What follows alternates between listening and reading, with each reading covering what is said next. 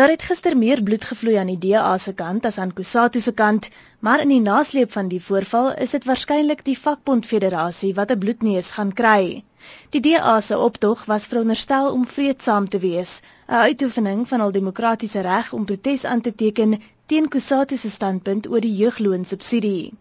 Maar by die eindpunt, Kusatu huis aangekom, is die duisende DA-betogers gekonfronteer deur 'n massa Kusatu T-hemde wat gekeer het dat hulle nader aan die vakbond hoofkwartier kom. Dis nie duidelik wie die eerste klip gegooi het nie, maar blitsvinnig het die situasie in chaos ontaard. Chaos waarvoor die polisie klaarblyklik onvoorbereid was. Die Gautengse polisiewoordvoerder, luitenant-kolonel Chisikawe Ndo, sê die polisie het hul bes gedoen, maar dit al nie voorberei was vir die teenwoordigheid van die Kusatu betogers nie. When we do our deployment, we look at um, the level of the threat and um, in the beginning we had um, only one group that was going to march. However, unfortunately, it so happened that um, on the other side another group also emerged.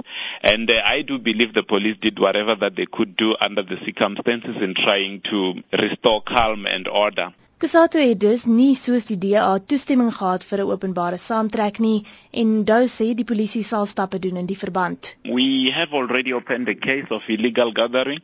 At this stage um, it is quite clear that um, on the side of Kusatu they didn't have the permission to march or to you know go and um, meet with um, DA as they were approaching um, th their premises along Jorison Street.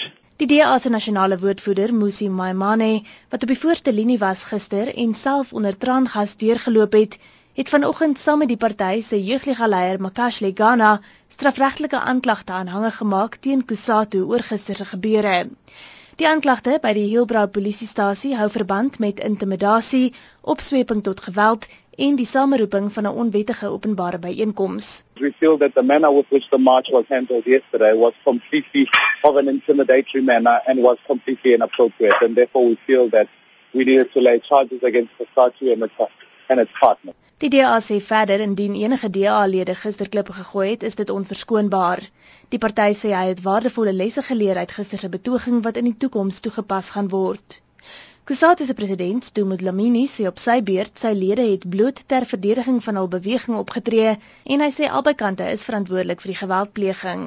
Our comrades were hit by bricks and stones which were loaded into a truck of the DA. They pelted stones at our comrades. Some were admitted in hospitals. Yesterday indeed was a very great day because when we were called upon to defend our own revolution, we rose to the occasion effectively. People who sought to undermine Kosatu and Kosatu House were prevented and could not do that. Kusatu se sekretaris-generaal, Zwelinzi Mawawi, het op sy beurt vanoggend gesê die vakbond federasie kan nie verantwoordelik gehou word vir die optrede van sy lede nie.